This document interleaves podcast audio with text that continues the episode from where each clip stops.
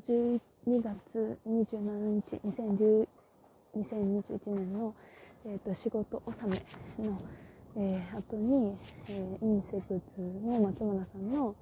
おお家で、えー、忘年会をしてきた今帰りです。どこや？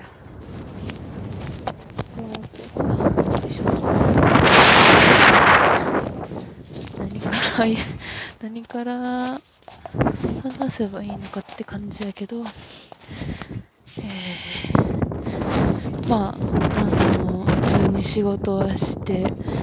でそこから4時頃に松村さん宅に向かったから、まあ、ちょっと時間が過ぎ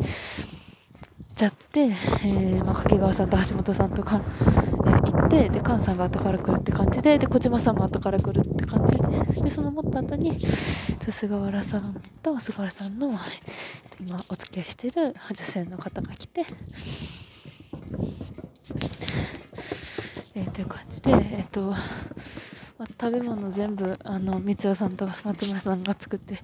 くれたのがめっちゃ美味しくて、えーと、常にその果物と何かが煮込まれてあったりとか、えー、お肉が、えー、でして今まで食べたことのない、えー、もうめっちゃ美味しい料理をたらふく食べ、えー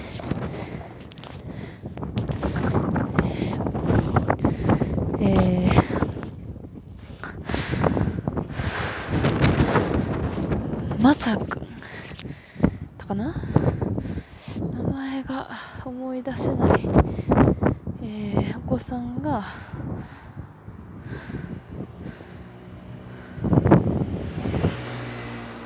あまちゃんあまちゃんあまちゃんと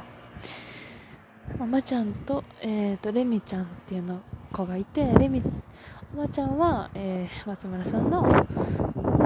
子供で、で、あの、今小学校3年生で、で、そのレミちゃんって子は養子縁組で、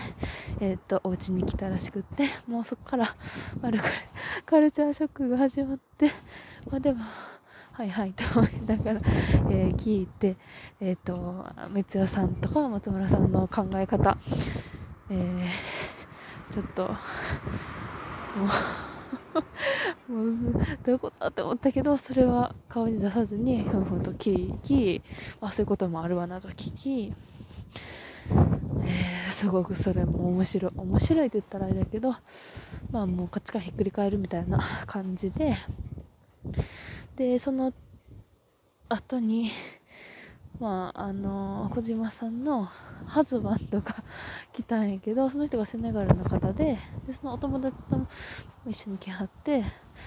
えー、まあもう、ちょっとそこでもう全然整理ができんくって、今どういうこと、今思い返しても、なんてやねんけど、で、えー、そうね、そこがだから多分、そこのパートナーシップの結び方みたいなのが多分一番、えー、今日は衝撃的だったと思います。まあ、食べ物はすごく美味しくて、お家もすごく素敵で、なんか、本当におもてなしを受けたっていう感じで、えっと、もう大掃除ぐらいして帰りたいぐらい、えー、何かどうやったらお返しができるんやろうっていうふうに、えー、すごく思ってています。え、そういう時にうまく話ができなくて、えー、卒論のこととかも松村さんに話したかったのにうまく話せなくて残念やったけど、えー、あの空間はなんか、えー、優しくってこあのオレンジがかっててなんかこうザあったかいっていう感じでえっとまあ、素敵な体験というかもうなんかどどえらい体験やったなというのを思います。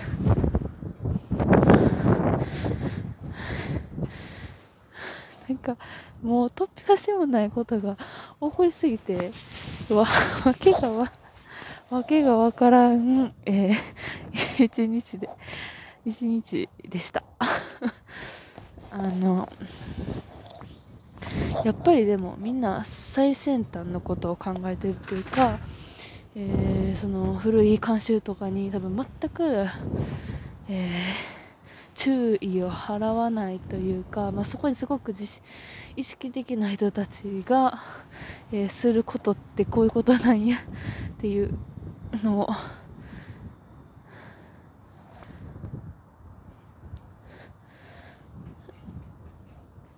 思って。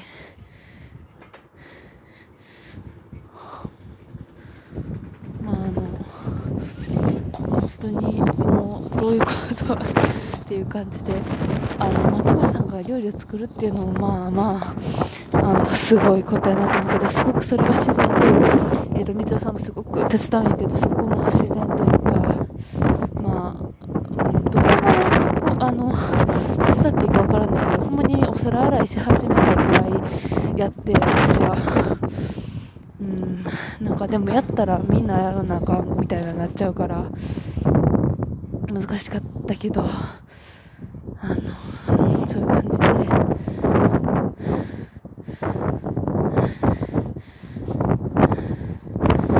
まあどういうことなんやろ。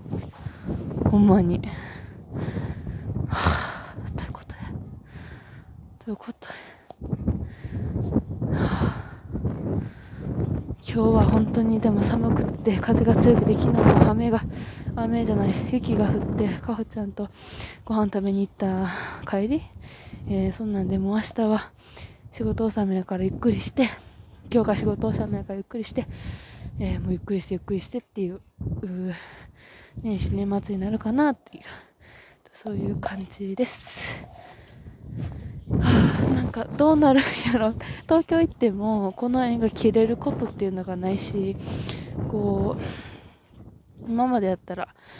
こう何か縁がスパッと切れるような感覚がすごくあったんやけどこれが例えば3040に響いてくる響いてくるっていうか地続きでなんか繋がってるんやなっていう感覚がすごくあって